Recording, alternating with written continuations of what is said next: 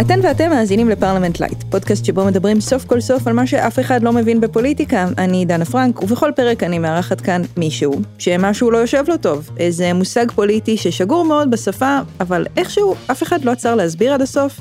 יחד איתנו יש גם מומחה או מומחית שלא מרפים מאיתנו, עד שאנחנו סוגרים את הפינה ומבינים הכל הכל. היום אני באולפן עם יניב ביטון, השחקן. אהלן. אהלן. ועם יונתן לוי, דוקטורנט ב London School of Economics and Political Science, וגם עמית מחקר במכון מולד וקרן ברל כצנלסון. שלום יונתן. שלום. תודה שבאתם. היום נדבר על פופוליזם, נושא שכמה שהוא מעורפל ככה הוא נוכח בחיים שלנו. יניב, איפה בחיים שלך אתה רואה פופוליזם? או, או, שאלה נהדרת להתחיל איתה. קודם כל אני מהדור אה, יליד 78 אז הדבר הראשון שעולה לראש זה התוכנית פה פוליטיקה. כן. הייתה תוכנית בערוץ אחד עם אבא של ראש הממשלה הנוכחי עם טומי לפיד. פה פוליטיקה שאז אני זוכר אה, נחשפתי לראשונה לשילוב הזה בין פופ לפוליטיקל. מה שהיה זכור לי זה שצועקים אתה תיתן לי לסיים, לא, אתה תיתן לי לסיים, מי שמך, מי שמך, כאילו זה היה, זה היה השיח, השיח החדש שהגיע לטלוויזיה כזה, וזה היה נורא מסעיר, ומצד שני גם מאוד אה, מוזיל את כל העניין של הפוליטיקה, ושם נתקע לי המושג הזה. אחרי זה נתקלתי פה עוד במשך השנים, כמובן לאחרונה זה מושג שיותר ויותר עולה. אני חייב להגיד שלא, אף פעם לא הבנתי אותו לגמרי, זה תמיד היה נראה לי כמו מילת גנאי שמשתמשים בה. כמו שהשמאלנים אוהבים להגיד למישהו שימני אתה פשיסט בגלל כאילו שזה מין משהו כולל כזה לרע אתה לא כן. לא טוב אז גם בפופוליזם כאילו זה אתה פופוליסט זה אמירה פופוליסטית זו טענה פופוליסטית. אז אני ככה אמביוולנטי לגבי הדבר הזה קודם כל בגלל שאני אומן אז המושג פופולרי הוא לא שלילי מבחינתי זאת אומרת אני שחקן ואני רוצה שהפופולוס יאהבו אותי, אני רוצה שהעם יאהב אותי. ובאמת הם אוהבים. כן, תודה. אבל פופ זה לא דבר שלילי, או להיות אה, פופולרי זה לא דבר שלילי, זה אולי סוגה לא אליטיסטית, זה אולי סוגה לא שהיא איכות, אבל כן, אנחנו רוצים שיראו אותנו, אנחנו רוצים שישמעו אותנו, ובגלל זה אני תמיד אה, מנסה להבין, האם יש באמת הגדרה אה, אקדמאית לדבר הזה, האם יש משהו שהוא משותף בכל העולם לתופעות האלה? זה גם מימין וגם משמאל, כאילו יש מלא שאלות כאלה שאני שואל את עצמי. אנחנו מיד נפתח את כולן אחת אחרי השנייה, אבל קודם כל אני אתן הגדרה מילונית. הופה. אז כבר אמרנו שפופוליזם זה מושג מאוד מאוד מעורפל, משתמשים בו בשתי דרכים שגויות. אחת, כדי לתאר פוליטיקאים שהם מבטיחים הבטחות חסרות שחר, שנשמעות טוב, מתחנפות לציבור, אבל לא נכונות. נגיד, כשהדר מוכתר אומרת שנבנה בהתנחלויות, ואם זה לא ימצא חן בעיני האמריקאים הם ייתנו לנו דירות, זה הרבה דברים, אבל זה לא פופוליזם. מהצד השני, הרבה פעמים מבלבלים בין פופוליזם לבין דמגוגיה. אז מקובל להתייחס לפוליטיקאים שעושים הרבה רעש כפופוליסטים, גם זה שגוי. אז מה זה כן? דרך אחת לתאר מה זה פופוליזם זה אידיאולוגיה שמעמידה את העם, אמרת פופולוס, בתור הטוב העליון, הטהור, ומולו ניצבות אליטות מושחתות שדואגות רק לעצמן. עכשיו מה יפה, כל תנועה פופוליסטית מגדירה באופן עצמאי מי זה העם ומי הם האליטות. זה הגדרות שמתבססות על מעמד, מוצא או לאומיות. האליטות הן בדרך כלל הממסד הפיננסי, הפוליטי או התקשורתי, תמיד נגד העם ובעד קבוצה מובחנת. זה יכול להיות מהגרים, אינטרסים של מדינות זרות או התאגידים. כדי לנצח את האליטות, מנהיגים פופוליסטים יפעלו כדי לפגוע בחופש העיתונות, בבתי המשפט ובארגוני חברה אזרחית. אז מה אין בפופוליזם, באופן ממש בולט? רעיונות לגבי עיצוב מדיניות בתחומי חיים שונים. השקפת העולם הפופוליסטית לא קובעת אם כדאי שתהיה כלכלה של העלאת מיסים או קיצוץ במגזר הציבורי. בגלל זה אומרים שפופוליזם זאת אידיאולוגיה רזה שחייבת לבוא על גבי אידיאולוגיה אחרת. וזה יכול להיות סוציאליזם, קומוניזם, לאומנות, אפילו נאציזם. הוגו צ'אבס מוונצואלה היה סוציאליסט פופוליסט. ויקטור אורבן, מנהיג הונגריה, הוא לאומן פופוליסט. אגב, מעניין לציין שהמונח התחיל בתור תיאור עצמי. במאה ה-19 קמה בארצות הברית המפלגה הפופוליסטית, שהמטרה שלה הייתה לייצג את העם מול האליטות, לא להתעלף, במקרה הספציפי שלהם את החקלאים והמתיישבים מול אנשי העסקים. יונתן, שאלתי אותך למה אתה חוקר פופוליזם, ואמרת לי שזה המושג הכי בסיסי בעיניך בפוליטיקה היום. כן, אני חושב שבאמת קשה להבין את uh, מה שקורה בעשור האחרון uh, בפוליטיקה העולמית וגם אצלנו, בלי לנסות להבין בצורה uh, בהירה יותר מה זה פופוליזם, או יותר נכון לשאול האם המושג הזה בכלל יכול לעזור לנו להבין את מה שקורה סביבנו, כי נדמה שהקצב של האירועים וגם האופי המשונה שלהם רק הולך ונהיה יותר ויותר מטורף, ואנשים קצת מתקשים להבין מי נגד מי, מה קורה פה, למה דברים קורים, ואני חושב שהמושג הזה, כשמבינים מה, מה המשמעות שלו ומבהירים אותה, אז הוא יכול um, לעזור לנו להבין את המציאות סביבנו. בוא נתחיל עם משהו שיניב העלה בתור אחת השאלות, שזה האם יש פופוליזם בשמאל? כן, כמו שהזכרת, פופוליזם הוא אידיאולוגיה רזה, או אידיאולוגיה טפילית, זאת אומרת אידיאולוגיה שמתלבשת על איזושהי תפיסת עולם אחרת, ומהבחינה הזאת היא יכולה להצטרף אה, לכל אידיאולוגיה שאפשר להעלות על הדעת, ואנחנו באמת מוצאים מבחינה היסטורית אה, פופוליזם גם בימין וגם בשמאל, אה, כשבשמאל זה קורה בעיקר אה, באמריקה הלטינית, מבחינה גיאוגרפית, אבל בעשור האחרון, כשמדברים על פופוליזם ועל עליית הפופוליזם והצלחה של הפופוליזם, ולפעמים גם הסכנה של הפופוליזם, אה, מדברים בעיקר על התחזקות של תנועות ימין. זאת אומרת ברני אה, סנדרס וזה, זה לא נחשב אה, פופוליזם. יש על זה ויכוח, אבל הקונצנזוס במחקר אומר ש, שלא. ברני סנדרס לא נחשב פופוליסט, אה, ואני חושב שכדאי להסביר למה, כי זה באמת מגיע לשורש של התופעה הזאת. אמ, אז קודם כל, פופוליזם אין קשר, למרות הדמיון במילה והשורש המשותף, אין קשר לפופולריות. זאת אומרת, אה, פוליטיקאי יכול להיות פופולרי מבלי להיות פופוליסט, ובאמת יש הרבה מאוד כאלה.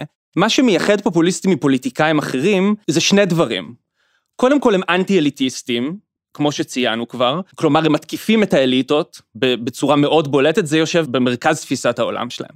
אבל זה לא מספיק כדי להפוך מישהו לפופוליסט. כן, כי זה לאו דווקא רע. להפך, זה, כן. זה, זה, זה הרבה פעמים טוב מאוד, בעיקר עבור אנשי שמאל ש, ששואפים לשוויון, אה, לפעמים מתקפה של אליטות ותמיד מתקפה של מוקדי כוח, זה דבר ש, שאנשי השמאל עושים. באופן כללי, אין פוליטיקאי שלא מסמן קבוצה שנגדו.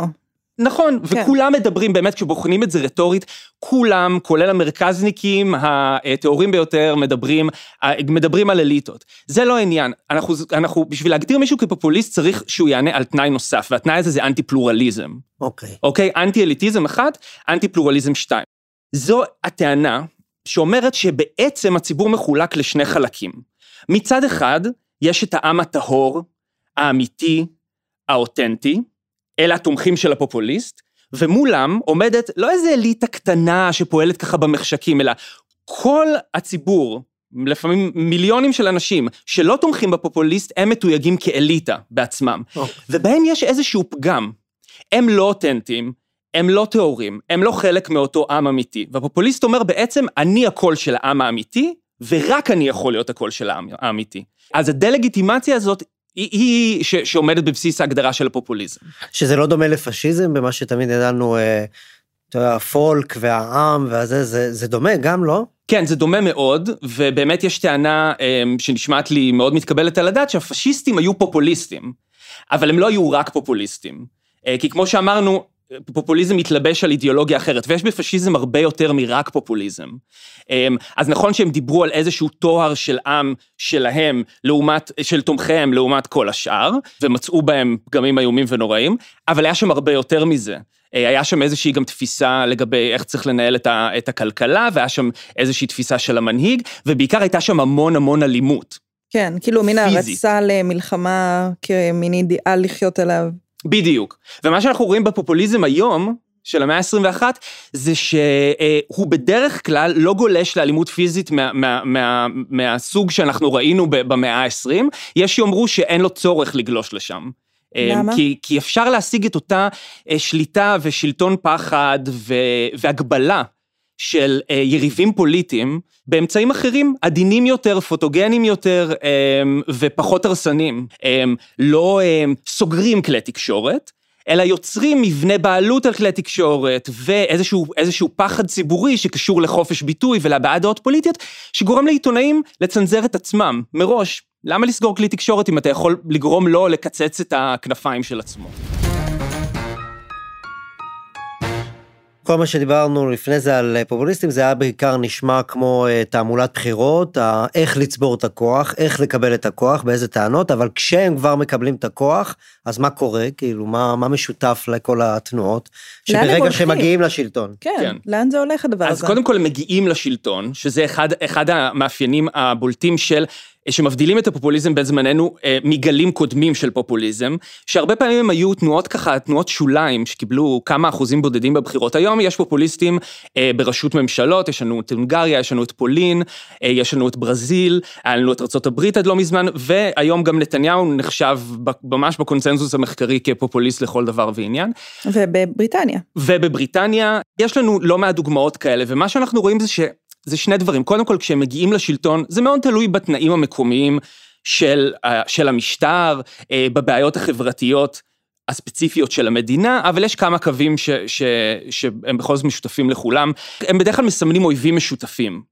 אה, התקשורת היא אויב משותף, ארגוני חברה אזרחית וארגוני זכויות אדם, אמנים ואינטלקטואלים, אקדמאים. שיט. שיט. נדפקנו מכל הכיוונים, יניב, אנחנו יושבים פה ומתכווצים בכיסא. ומערכת המשפט. למה? מה משותף לאנשים האלה? הם נשמת אפה של הדמוקרטיה הליברלית, גם אם הם מימין וגם אם משמאל, לא משנה מה הדעה שלהם, הם אלה שאחראים על הוויכוח הציבורי. Mm. נכון? בסופו של דבר. גם בתי המשפט וגם אמנים. כן, והם אלה שמסוגלים להגביל את כוחו של הפופוליסט. הפופוליסט, אחד המאפיינים שלו זה שהוא אומר, מכיוון שאני מייצג את החלק הלגיטימי היחיד בעם, רק, רק התומכים שלי הם לגיטימיים. אז כל ניסיון להגביל את כוחי, אם על ידי בית משפט, או על ידי ביקורת ציבורית, או, או, או באמצעות אה, פקידים ש, מקצועיים שקיימים בממשלה, כל ניסיון הגבלה כזה הוא לא כשר. מעצם העובדה שאני היחיד שיכול לייצג את אה, רצון העם עלי אדמות. אז מהבחינה הזאת, זה, זה פשוט מלחמה בכל מי שעשוי אה, לפגוע במעמד הפופוליסט, או להגביל, להצר את הצעדים שלו. זה נראה לי דווקא מאוד הגיוני שאלה ה... כן, זה כמו, אני מרגיש כמו מוטציה של הדמוקרטיה הליברלית, שצמחה מתוכה ואוכלת אותה. זאת אומרת, הם משתמשים בטיעונים, הם יגידו לך, אתה אנטי דמוקרט. אתה אנטי דמוקרט, אתה נגד הדמוס, אתה נגד העם, זאת אומרת, משתמשת בעצמה הדמוקרטיה בשביל לחסל את עצמה אולי. חד משמעית. כן? זה, זה מה שקרה בגל הזה? שוב, בניגוד לפשיסטים, שדיברו בגלוי נגד הדמוקרטיה, ושנאו אותה ותאהבו אותה, והציגו אותה כשורש כל רע, הפופוליסטים היום, הם, הם, הם כמו שיניב אומר, ומזהה ממש נכון, הם, הם מדברים תמיד בשם הדמוקרטיה. אנחנו הדמוקרטיה האמיתית והאותנטית, אתם אלה שהאנטי דמוקרטים. ואיפה זה מתחיל הדבר הזה? זאת אומרת, אנחנו מדברים על גל שהוא מתחיל מתי? אמ, הגל הנוכחי ש, שהוא מתחיל בתחילת אה, המאה ה-21, mm-hmm. כלומר 20 השנים האחרונות, והוא ניזון במידה רבה מחוסר הביטחון שיותר ויותר אנשים מרגישים במאה הזאת. בואו לא נשכח שהיא נפתחת ב... אסון התאומים? באסון התאומים, בפיגוע טרור אה, רצחני וחסר תקדים. היא אה, ממשיכה בקריסה כלכלית עולמית ב-2007-2008 ומיתון ארוך שנמשך אה, במשך שנים. זה מגפה קטנה. מגפה, אה, קצת לפני זה, פליטים. גלי פליטים מסוריה, מאפריקה, אה, ועל רקע כל זה, גלובליזציה מאוד מאוד אגרסיבית שגורמת לחוסר ביטחון כלכלי. אה, תעסוקתי וזהותי עבור הרבה אנשים ברחבי העולם, שמרגישים פחות בטוחים כלכלית וגם פחות בטוחים תרבותית, אה, מרגישים שהעולם משתנה לנגד עיניהם במהירות גדולה, ושלהם אין, אין כל כך מקום בתוכו. אז בעצם אנשים שהם מצביעים פופוליסטים, אפשר לקרוא להם ככה? זו הגדרה נכונה? תומכי מפלגות פופוליסטיות, כן. כן. הם אנשים שגם מרגישים שהם איבדו את המקום שלהם מבחינה תרבותית, וגם נמצאים באיזושהי סכנה... מצוקה כלשהי. כן, מצוקה כלכלית. אז, אז אחת הטענות הפופולריות שמושמעות בדרך כלל זה שמדובר באנשים שבעניים ביותר, באנשים ש, שהם חסרי כל. המחקר מראה שברוב הגדול של המדינות זה לא המצב. מעניין. זה ממש לא המצב.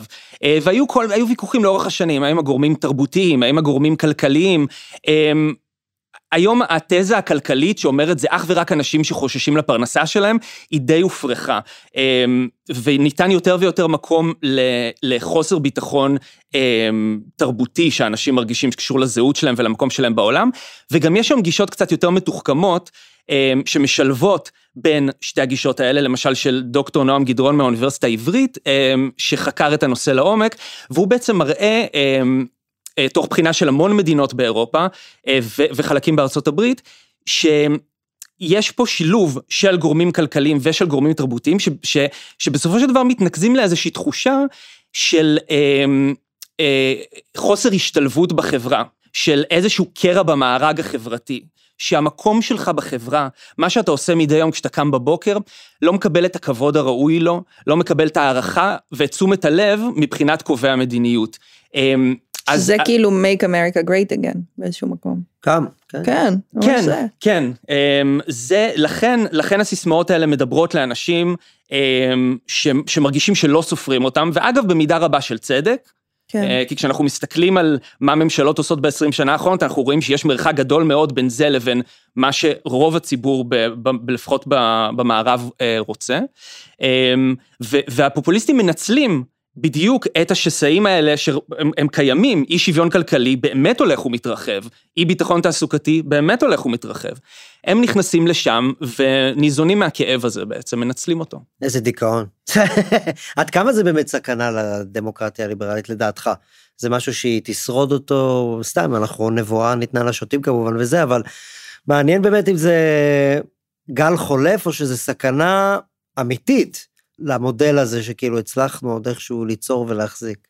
אני חושב שזו סכנה אמיתית, אמ, אבל לא כי אנחנו הצלחנו להתגבר, האנושות הצליחה להתגבר על, על אתגרים עצומים בעבר ו, ו, וכנראה גם גדולים, גדולים מזה, אבל זה אתגר מאוד מאוד רציני, כי זו תנועה עולמית שהולכת וגוברת, שיש לה גם רשת בינלאומית של ארגונים וכלי תקשורת וכסף ופוליטיקאים שמסייעים אחד לשני, והיא צוברת, היא צוברת אה, כוח, רק עכשיו, אתמול היו בחירות אה, בשוודיה, והתוצאות עוד לא, עוד לא, לא נספרו כל הקולות, אבל זה נראה שהמפלגה השנייה בגודלה שם היא מפלגה, מפלגת ימין קיצוני, פופוליסטית עם שורשים נאציים. שילוב נורא. אז זו, זו, זו רק דוגמה אחת. אבל שוודים. בסדר. אוקיי, שזה כן. בכלל, כן, שזה בכלל מפתיע.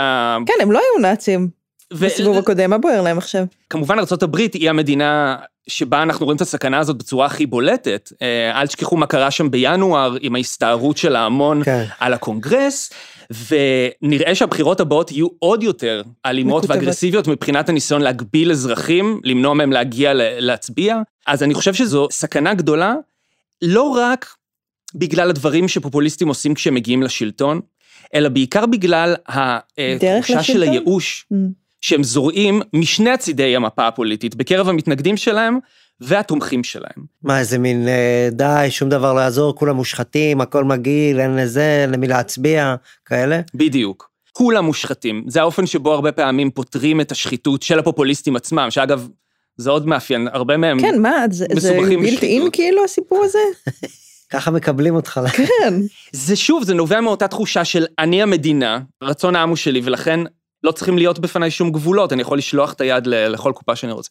אז כן, זה בדיוק זה, זה, זה אומר כולם שקרנים, אף אחד אף פעם לא מקיים הבטחות. חלק מההצבעה הזאת והתמיכה בפופוליסטים היא נובעת בדיוק מהורדת סטנדרטים המתמדת הזאת, אה, שהפופוליסטים תורמים לה אה, הרבה. ואגב, משהו שלא ציינו קודם. זה אמירה כאילו קצת אה, קיצונית הורדת סטנדרטים, זאת אומרת הורדת שאיפות שלנו מהנבחרים הפוליטיים שלנו?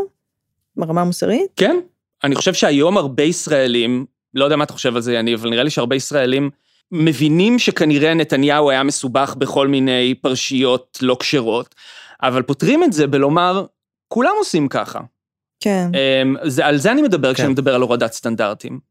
או שאנשים יתרגלו שזה בסדר שראש ממשלה משסה קבוצות אחת בש... אה, אה, מתוך חברה אחת בשנייה בכזאת תדירות כמין הרגל. כן. זה משהו שמתרגלים אליו מאוד מהר, אני חושב. זה גם נראה לי מפחיד כאילו על הפופוליזם כאילו תמיד משני הכיוונים של אם הוא ייבחר אז זה יהיה אסון מצד אחד מצד שני כשלא נבחרים אז יש את הסכנה כמו של אירועי הקפיטול באמת של כאילו לא מקבלים את התוצאות רימו אותנו. שוברים את הכ- את כן הכלים כאילו. ואז זה עוד יותר מפחיד כאילו שתי אפשרויות מפחידות גם אם נבחרים וגם אם לא. ממש בדיוק. נישואים לגבר אלים.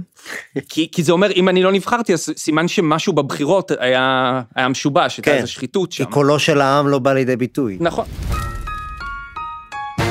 בוא נתמקד רגע במצב בישראל. אנחנו כזה חגים סביבו. גם אנחנו ישראל, לגמרי, בוא מסביב. בוא בוא ניכנס לזה, בוא זה. אה, ישראל אה, ממש פורצת דרך בתחום הפופוליזם העולמי.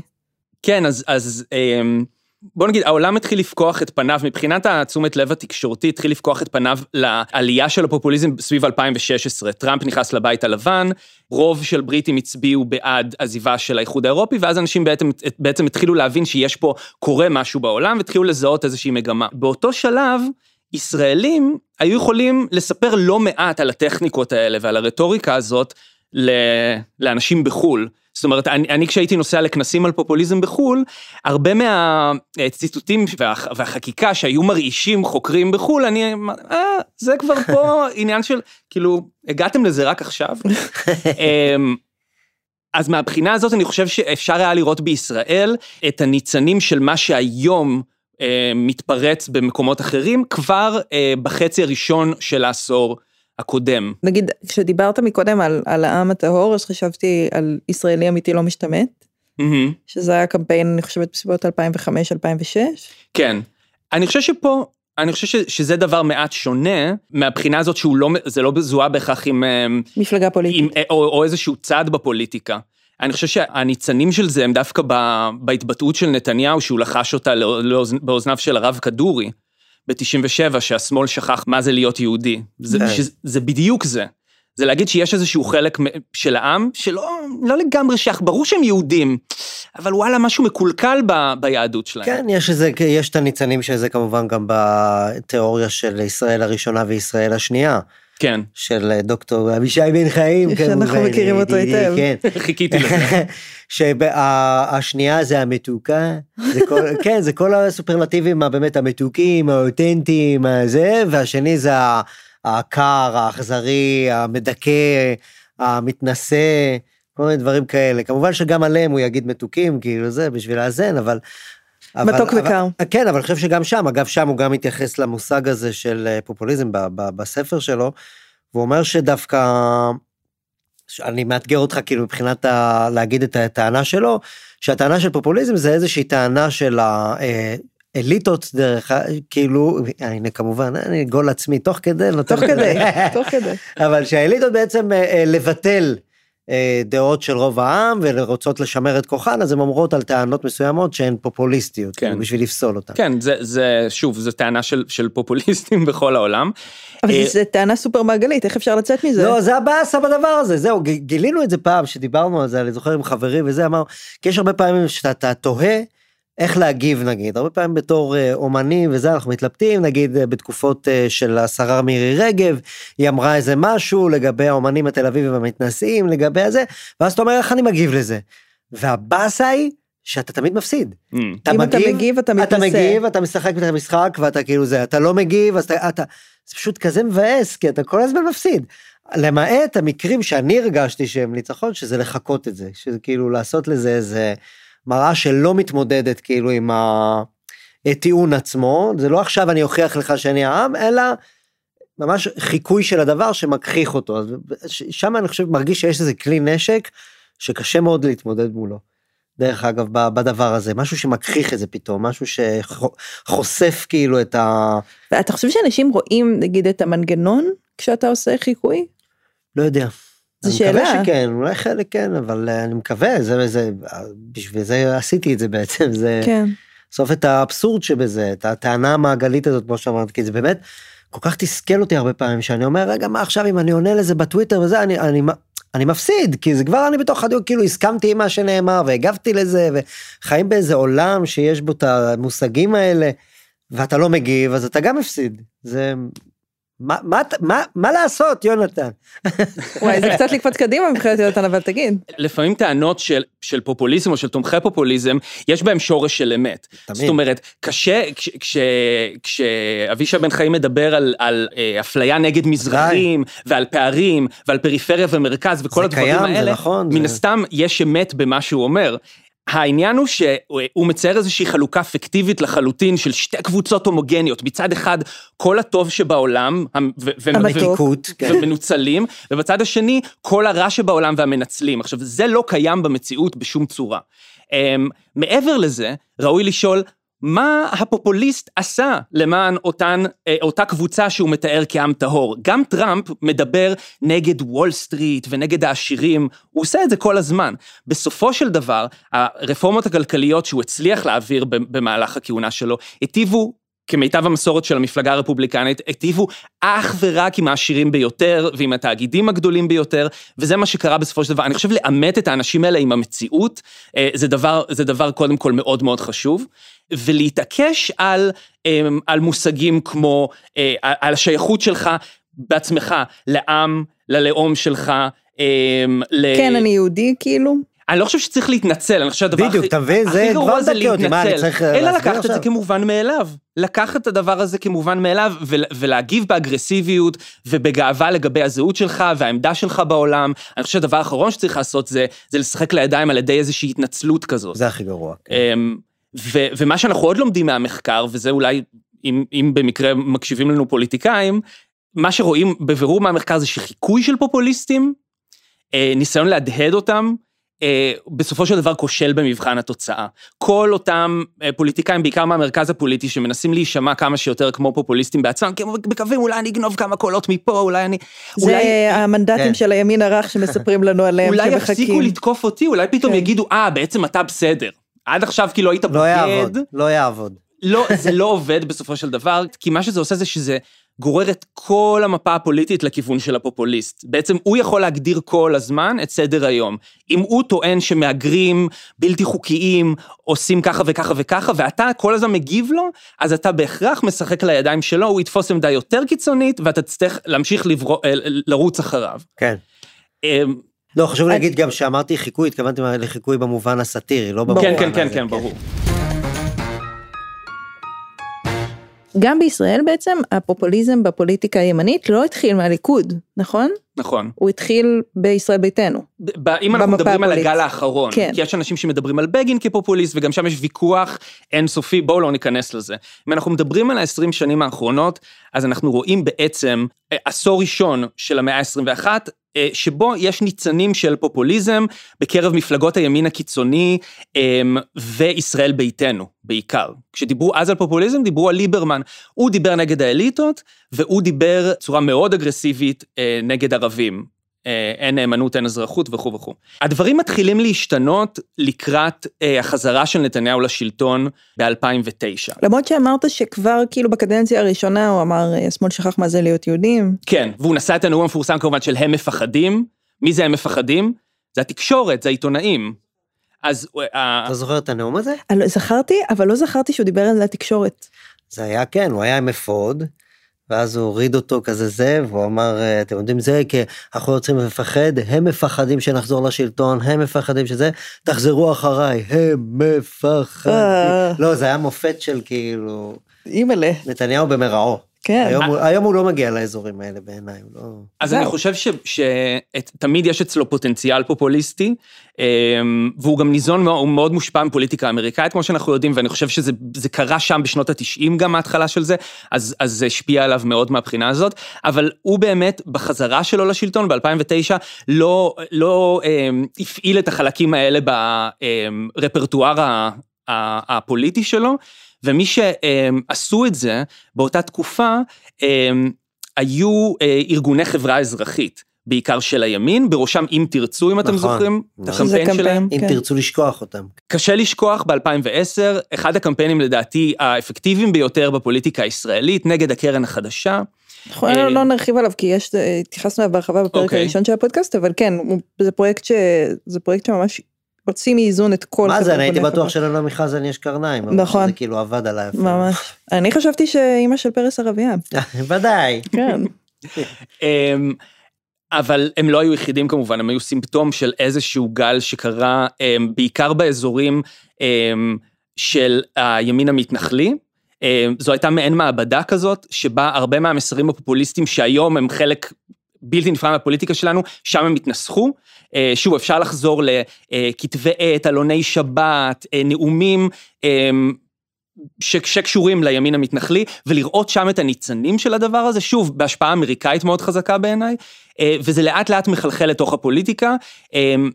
גם ישראל שלי זה צעד מאוד משמעותי. ישראל שלי, שזה הוקם על ידי אה, איילת שקד ונפתלי בנט, היה כביכול אה, מין אה, ארגון אינטרנט חדש, צעיר ובועט, שמייצג עמדות ימניות, זה בעצם היה של מועצת יש"ע, הם רק ניסו ככה לטשטש את, ה, את הקשרים, והם אלה שבעצם התחילו לתבוע את כל ה, את, את, את הדרישות האלה של אה, להחרים אמנים ולהחרים תוכניות בגל"צ, והם הם אלה שהתחילו להשתמש ברטוריקה הזאת שאומרת שבעצם אמ, השמאל, ואחרי זה המרכז שמאל, הם לא באמת חלק מ, מ, מהעם, הם, הם אנטי ציונים, הם אנטי יהודים, אה, הם אנטי ישראלים.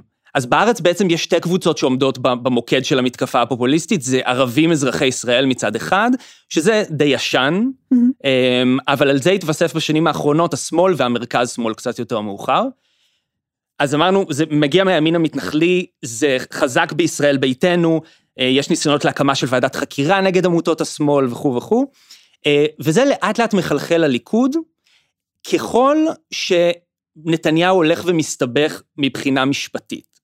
בחצי הראשון של אותו עשור, אנחנו עדיין יכולים לראות את נתניהו מגן בחירוף נפש על מערכת המשפט, מול ניסיונות של, של מפלגות המתנחלים ושל אמ, ישראל ביתנו, להטיל עליה כל מיני מגבלות. באמת, נתניהו יוצא להגנתה.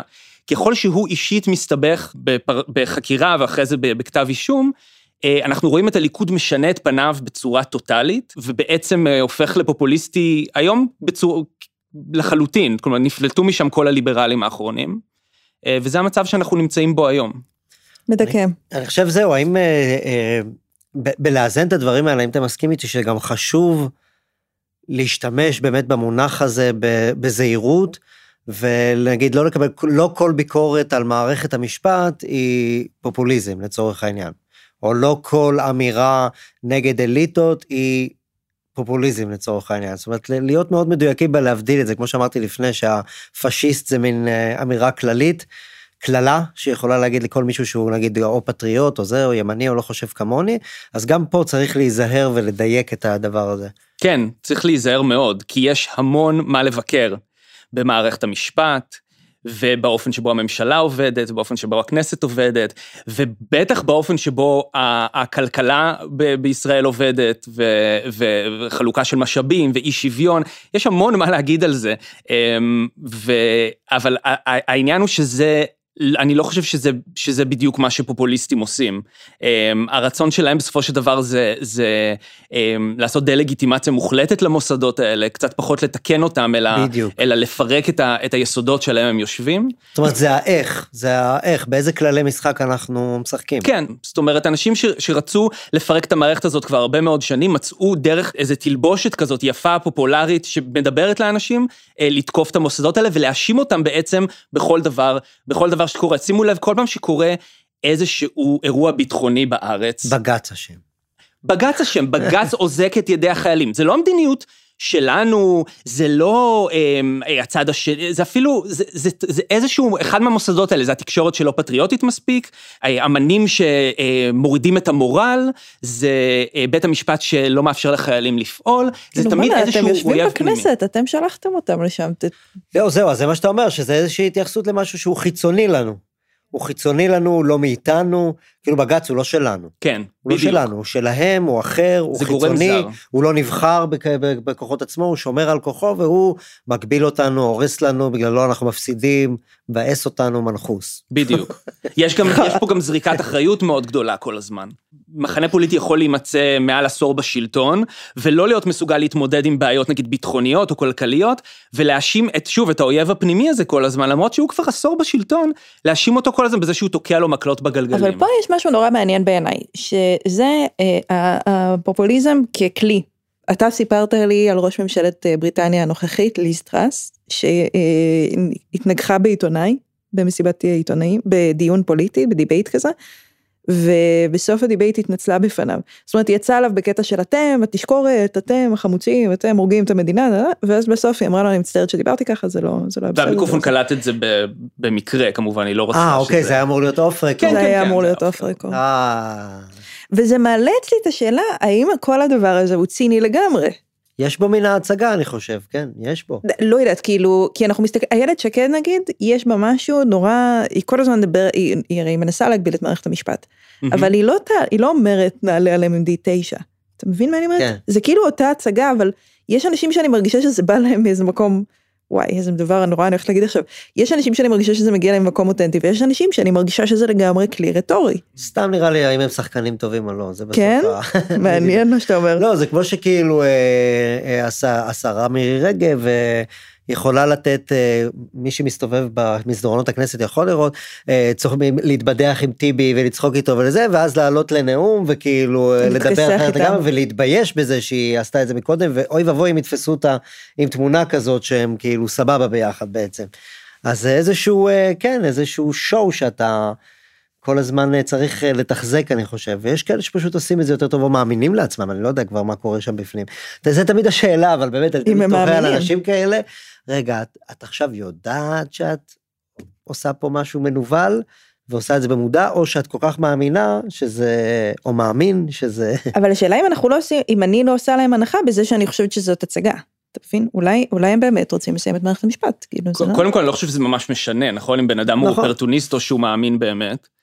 אמ, וב' אני, אני מניח שזה שילוב בין, זה שילוב בין הדברים, אני חושב שיש אנשים שבאמת, אני חושב שביבי למשל באמת חושב שרודפים אותו, ובאמת חושב שה, שהמערכת מוטית נגדו, אה, וש, ושיש, זה, זה תלוי בבן אדם, יש מידה, יש מידה של אופרטוניזם, בעצם ההבנה שהדבר הזה עובד, כמו ליז טראס, שבחיים לא הייתה מדברת ככה עד שהיא הבינה שהדבר הזה פופולרי ו- ו- ו- ויביא לה מצביעים. אמ, אבל יש גם הרבה מאוד אנשים שדמוקרטיה ליברלית והעקרונות שלה אה, באים להם לא טוב, ולא מהיום, וכשהם אומרים את זה, את הדברים האלה, הם אומרים אותם מתוך אמונה אמיתית, אמונה, גם כן. מתוך תפיסת עולם אגב. כן. מתוך תפיסת עולם שבית משפט לא, צריך להיות לא יותר מחותמת גומי למה, שה, למה שהממשלה עושה. כאילו, התפיסות עולם האלה קיימות והן מנומקות, ואנשים כותבים עליהם ספרים, זאת אומרת, זה לא רק איזה מין ילד מפונק שאומר, אוי, לא בא לי עכשיו על בית המשפט. זה, יש תפיסת עולם היום שהיא הולכת וצוברת תאוצה, בטח בציבוריות הישראלית, אבל גם בארצות הברית ובמקומות אחרים, שוואלה, המוסדות האלה לא ממש צריך אותם. לא ממש צריך הגנה אה, על מיעוטים, ולא ממש צריך בית משפט שיאזן את, אה, את אה, הרשויות האחרות, הרשות החוק, המחוקקת והמבצעת, ושגם עיתונות זה לא יהיה כזה רע אם היא, אם היא תשמיע רק, אה, רק אחד. זאת אומרת, יש אנשים שבאמת מאמינים בדברים האלה.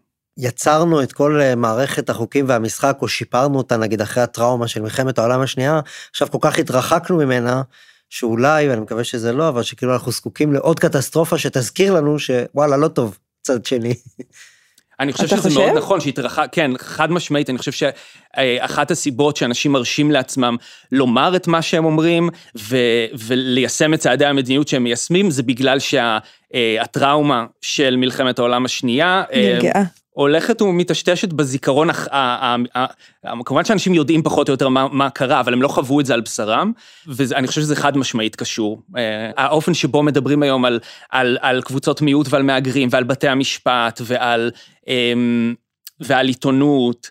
ועל כל המוסדות של הדמוקרטיה הליברלית, זה אופן, זה משהו שלפני 20 שנה, כשאנשים שדיברו את, את הדברים האלה עדיין זכרו את הניסיון שלהם ושל ההורים שלהם במלחמת העולם השנייה, הם לא היו מסוגלים להוציא, להוציא את הדברים האלה מהפה.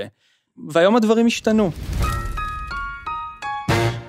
בגלל שאני מנסה להיות אה, אדם אופטימי כן, בשיחה. המדכאת הזאת. למה היא כזו, למה לא, היא לא, כזאת סתם, סתם. מדכאת? לא, כי- למה, למה זה? אתה שואל אותנו, אתה בחרת את התחום המוריד הזה כתחום מחקר לחיים. בשביל לשנות את המציאות חייבים קודם להבין אותה, לא? נכון לא לא אתה צודק לא. אני חושב שזה בסיס לפעולה, אני לא חושב שזה... זהו, אז אוקיי. אני- אז אני מנסה, או, שנייה, או, או, או, או, או, או, פעולה, או, או, או, אקטיביזם.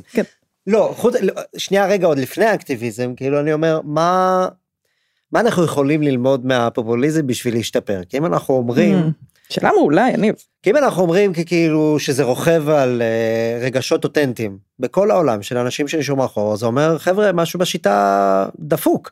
כאילו הדמוקרטיה הליברלית שאנחנו חושבים שהיא מדהימה. אה, ש-45 אחוז או לא יודע מה מהאנשים מרגישים שהם אה, לא באים לידי ביטוי, ששכחו אותם, שאין להם רווחה, שאין להם משמעות לחיים, שאין להם זה, אז, אז יש קלקול שאנחנו צריכים אה, להסתכל עליו רגע. כן. חד משמעית, חד משמעית. אני חושב שהדבר האחרון שצריך לעשות זה לחשוב שהמצב הקיים, או המצב שהיה לפני עליית הפופוליזם, הוא היה, הוא היה מושלם ולהתגעגע אליו. חד משמעית לא. אני חושב שהמערכת הפוליטית בשלושים שנה האחרונות, מה שקרה בה בכל העולם אגב, על צירים אחרים ובצורות אחרות, זה האחדה בין ימין לשמאל. לפני שהפופוליסטים הגיעו, ימין ושמאל התחילו להישמע ולהיראות אותו דבר. היו בעיות מסוימות שהפסיקו לדבר עליהם, קונפליקטים מסוימים שהפסיקו לעסוק בהם, וכולם התחילו להציע פחות או יותר את אותם הפתרונות. בעיקר מעבר לים אפשר לראות את זה. אמ, השמאל אמ, בעצם התקרב לימין עוד ועוד מבחינת התפיסה הכלכלית, החברתית-כלכלית שלו. אה, ונטש את בסיס המצביעים המסורתי שלו, אה, מעמד הפועלים והשכבות הנמוכות יותר מבחינה סוציו-אקונומית, והתחיל להאמין בעצם ולקדם יתרונות של הימין, של, של אה, היעדר רגולציה ושוק פרוע לחלוטין ומדינת רווחה מינימלית וחופש פעולה מרבי לתאגידים. ולכן התחושה של אנשים שא', המערכת הפוליטית לא סופרת אותם, ב', שכולם נהיים די אותו דבר, וג' שהם פוגשים ביום יום שלהם, כשהם קמים בבוקר, הם פוגשים בבעיות שאיש לא מדבר עליהם, ואיש כן. לא מעוניין לפתור אותן, התחושה הזאת, אני חושב, אמיתית לחלוטין, ושוב, זה גם משהו שמראים במחקר, את ההתקרבות הזאת בין ימין לשמאל. כשאין תחרות פוליטית אמיתית בין שני צדדים שמתווכחים, יגיע גורם שלישי, ויספר סיפור משלו על, החי, על, על החיים של האזרחים, ויתחיל להאשים גורמים ש, שמתאימים לו בכל הבעיות שהאזרחים פוגשים ביומיום שלהם. ואז פתאום צצים פופוליסטים ואומרים, כל מה שאתם מרגישים בחיי היומיום שלכם זה בגלל קונספירציות, וזה הגלובליסטים, וזה האליטות. וזה המהגרים כמובן, הזרים, האנשים הכי חלשים בחברה, הכל בגללם. והסיפור הזה תופס, כי אף אחד אחר לא מספק איזשהו הסבר אחר, איזשהו סיפור אחר למציאות, ולא מציע פתרונות משלו אה, למה שאנשים מכירים באופן קרוב מה, מה, מהיומיום שלהם.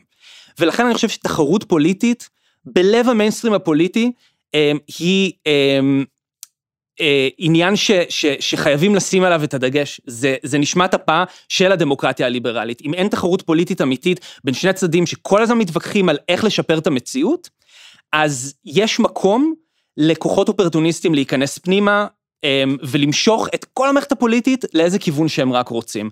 וזה בדיוק מה שראינו, לפחות במערב, בצורה מאוד בולטת בשלושה עשורים האחרונים.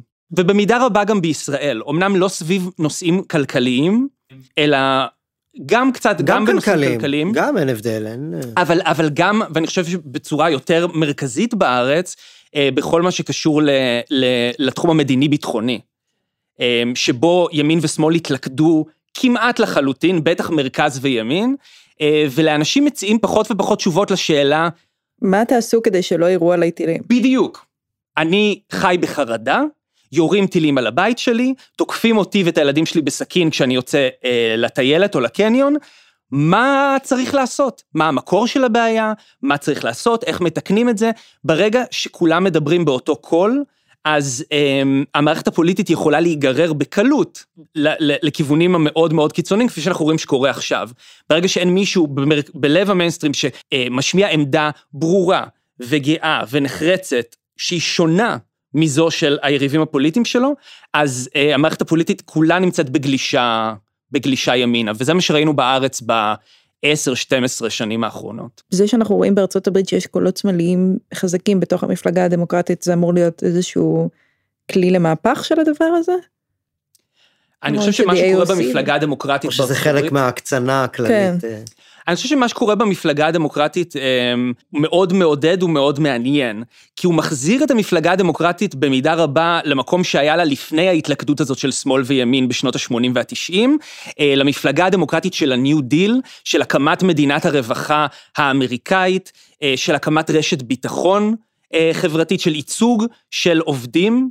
מה שעשו מאוד יפה בתוך המפלגה הדמוקרטית בשנים האחרונות, זה שחבר'ה צעירים נכנסו שם מתוך תנועות חברתיות, ללב המפלגה, כלומר חזרו לפוליטיקה אלקטורלית מסורתית, יענו משעממת ומאובקת, ולקחו אפילו את המרכזניק הטהור ביותר שאפשר להעלות על הדעת, קרי ביידן, אה, לכיוון שלהם, ואפשר לראות את זה בביטול של החוב של הסטודנטים שהוא חתם עליו אה, לפני כמה ימים, ובתוכנית האקלים הסופר שאפתנית שלו, ובהשקעה האדירה שהוא אה, השקיע בתשתיות. הם לקחו את המרכז של המפלגה הדמוקרטית שמאלה, ובעצם לאזורים שמאוד פופולריים בקרב אפילו מצביעים של טראמפ, ואני חושב שהם הזריקו מחדש תחרות לתוך המערכת הפוליטית האמריקאית. האם זה, זה יפתור את ה... את, ה, את הבעיה הזאת, יעלים את הסכנה? לא. אבל אני חושב שזה כבר אה, צעד בכיוון הנכון, כי זה יכול לגרום לאנשים... להאמין שוב להאמין ב... שוב בפוליטיקה. כן. כי שוב, הנה, יש בן אדם שאומר שהוא יעשה משהו, והמשהו הזה הוא אחר מאשר היריב שלו, והנה, יש לי פתאום שתי אופציות, ואם אני אצביע לו, אז וואלה, אולי משהו ישתנה בעולם. לא כל מה שאני רוצה שישתנה, אבל מספיק כדי שזה יהיה שווה את ההצבעה שלי. אז יש פה מסר ממש אופטימי לקראת עונת הקמפיינים כן. המתרגשת עלינו. כן, זה שווה להציע אלטרנטיבה. שווה להציע אלטרנטיבה וגם אה, להחזיר את זה שמגניב להיות פוליטי. מגניב להיות פוליטי. באמת, כאילו, להיכנס בזה, הרבה יותר, הרבה יותר קל, בטח אה, דיברנו על זה קצת לפני, מחוץ לאולפן, מה שנקרא, יונתן ואני, אבל שהדור אה, שלי נאמר, של, אה, שחווה את רצח רבין בתור נערים לפני גיוס, כאילו הייתי בכיתה י"ב, עשה לנו איזה טראומה מאוד מאוד גדולה לגבי כל מה שקשור לפוליטיקה. אדישות, ציניות, באמת הכולם מושחתים הזה, הרבה הרבה יותר קל לצפות מהמרפסת, להסתכל מהמרפסת ולהגיד כאילו אה, זה הכל מאפן, אה, לא מצביע לאף אחד על זה. יש משהו מאוד, אה, אני חושב אמיץ, ודרך אגב אני אומר את זה ואנחנו מדברים על זה הרבה לאחרונה סביב אה, אומנים והאם צריך להיות פוליטי או לא אני אני מאוד אוהב שאומנים הם פוליטיים גם מהימין דרך אגב כן גם אם אני לא מסכים וגם עם זה אני מעדיף אומנים פוליטיים מאשר בכלל לא. זאת אומרת שכן תביע את הדעה תביע את הדעה תגיד את הדברים זה נתווכח בגבולות האפשר בגבולות הזה נקבע את החוקי משחק שלנו אבל שצריך צריכים אנשים טובים בפוליטיקה וצריכים שאנחנו נאמין כי אין לנו דרך אחרת לנהל את עצמנו כנראה עוד לא המציאו. חוץ מפוליטיקה. כן. לגמרי. ואתה מרגיש שמשהו באמת משתנה בכיוון הזה? אני מתחיל להרגיש תזוזה קלה קלה קלה לכיוון, אבל אני מתחיל להרגיש את זה כן. אה, אני גם אגיד שזאת מטרת התוכנית אז זה בכלל נחמד. יונתן איך אתה יוצא מהשיחה הזאת? אה, איך אני יוצא מהשיחה הזאת? אה, אני מקווה שהצלחתי להעביר במשהו. מה המשמעות של המושג הזה, ו- ו- ולא רק כי חשוב להבין מה אומרים בתקשורת, כל הזמן אנחנו אומרים פופוליזם, פופוליזם, אלא כי אני חושב שכשמסתכלים מבעדו על המציאות ומבינים שמה שקורה בארץ קורה בהמון מקומות אחרים בעולם, אז uh, זה מוסיף קצת לבהירות המחשבה שלנו לגבי העולם שבו אנחנו חיים, שזה תנאי הכרחי בשביל להחליט מה אנחנו עושים הלאה. אז אני מקווה שהצלחתי לעשות לפחות. כן, בעיקר לעזור לנו לזהות. זהה מהו, אה, מי הוא פופוליסט. בצבע בצבעים עליזים ושלח למערכת. כן. טוב, תודה רבה לכם. תודה לך. האזנתן והאזנתם לפרלמנט לייט, אני דנה פרנק, הגשתי וערכתי את הפרק הזה. את הפרויקט מפיקה מור אזולאי מג'וס, עורך הסאונד הוא אסף רפפורט, הקלטנו באולפני הנובה, עם טכנאי ההקלטה, שמעון טל. תודה שהאזנתם.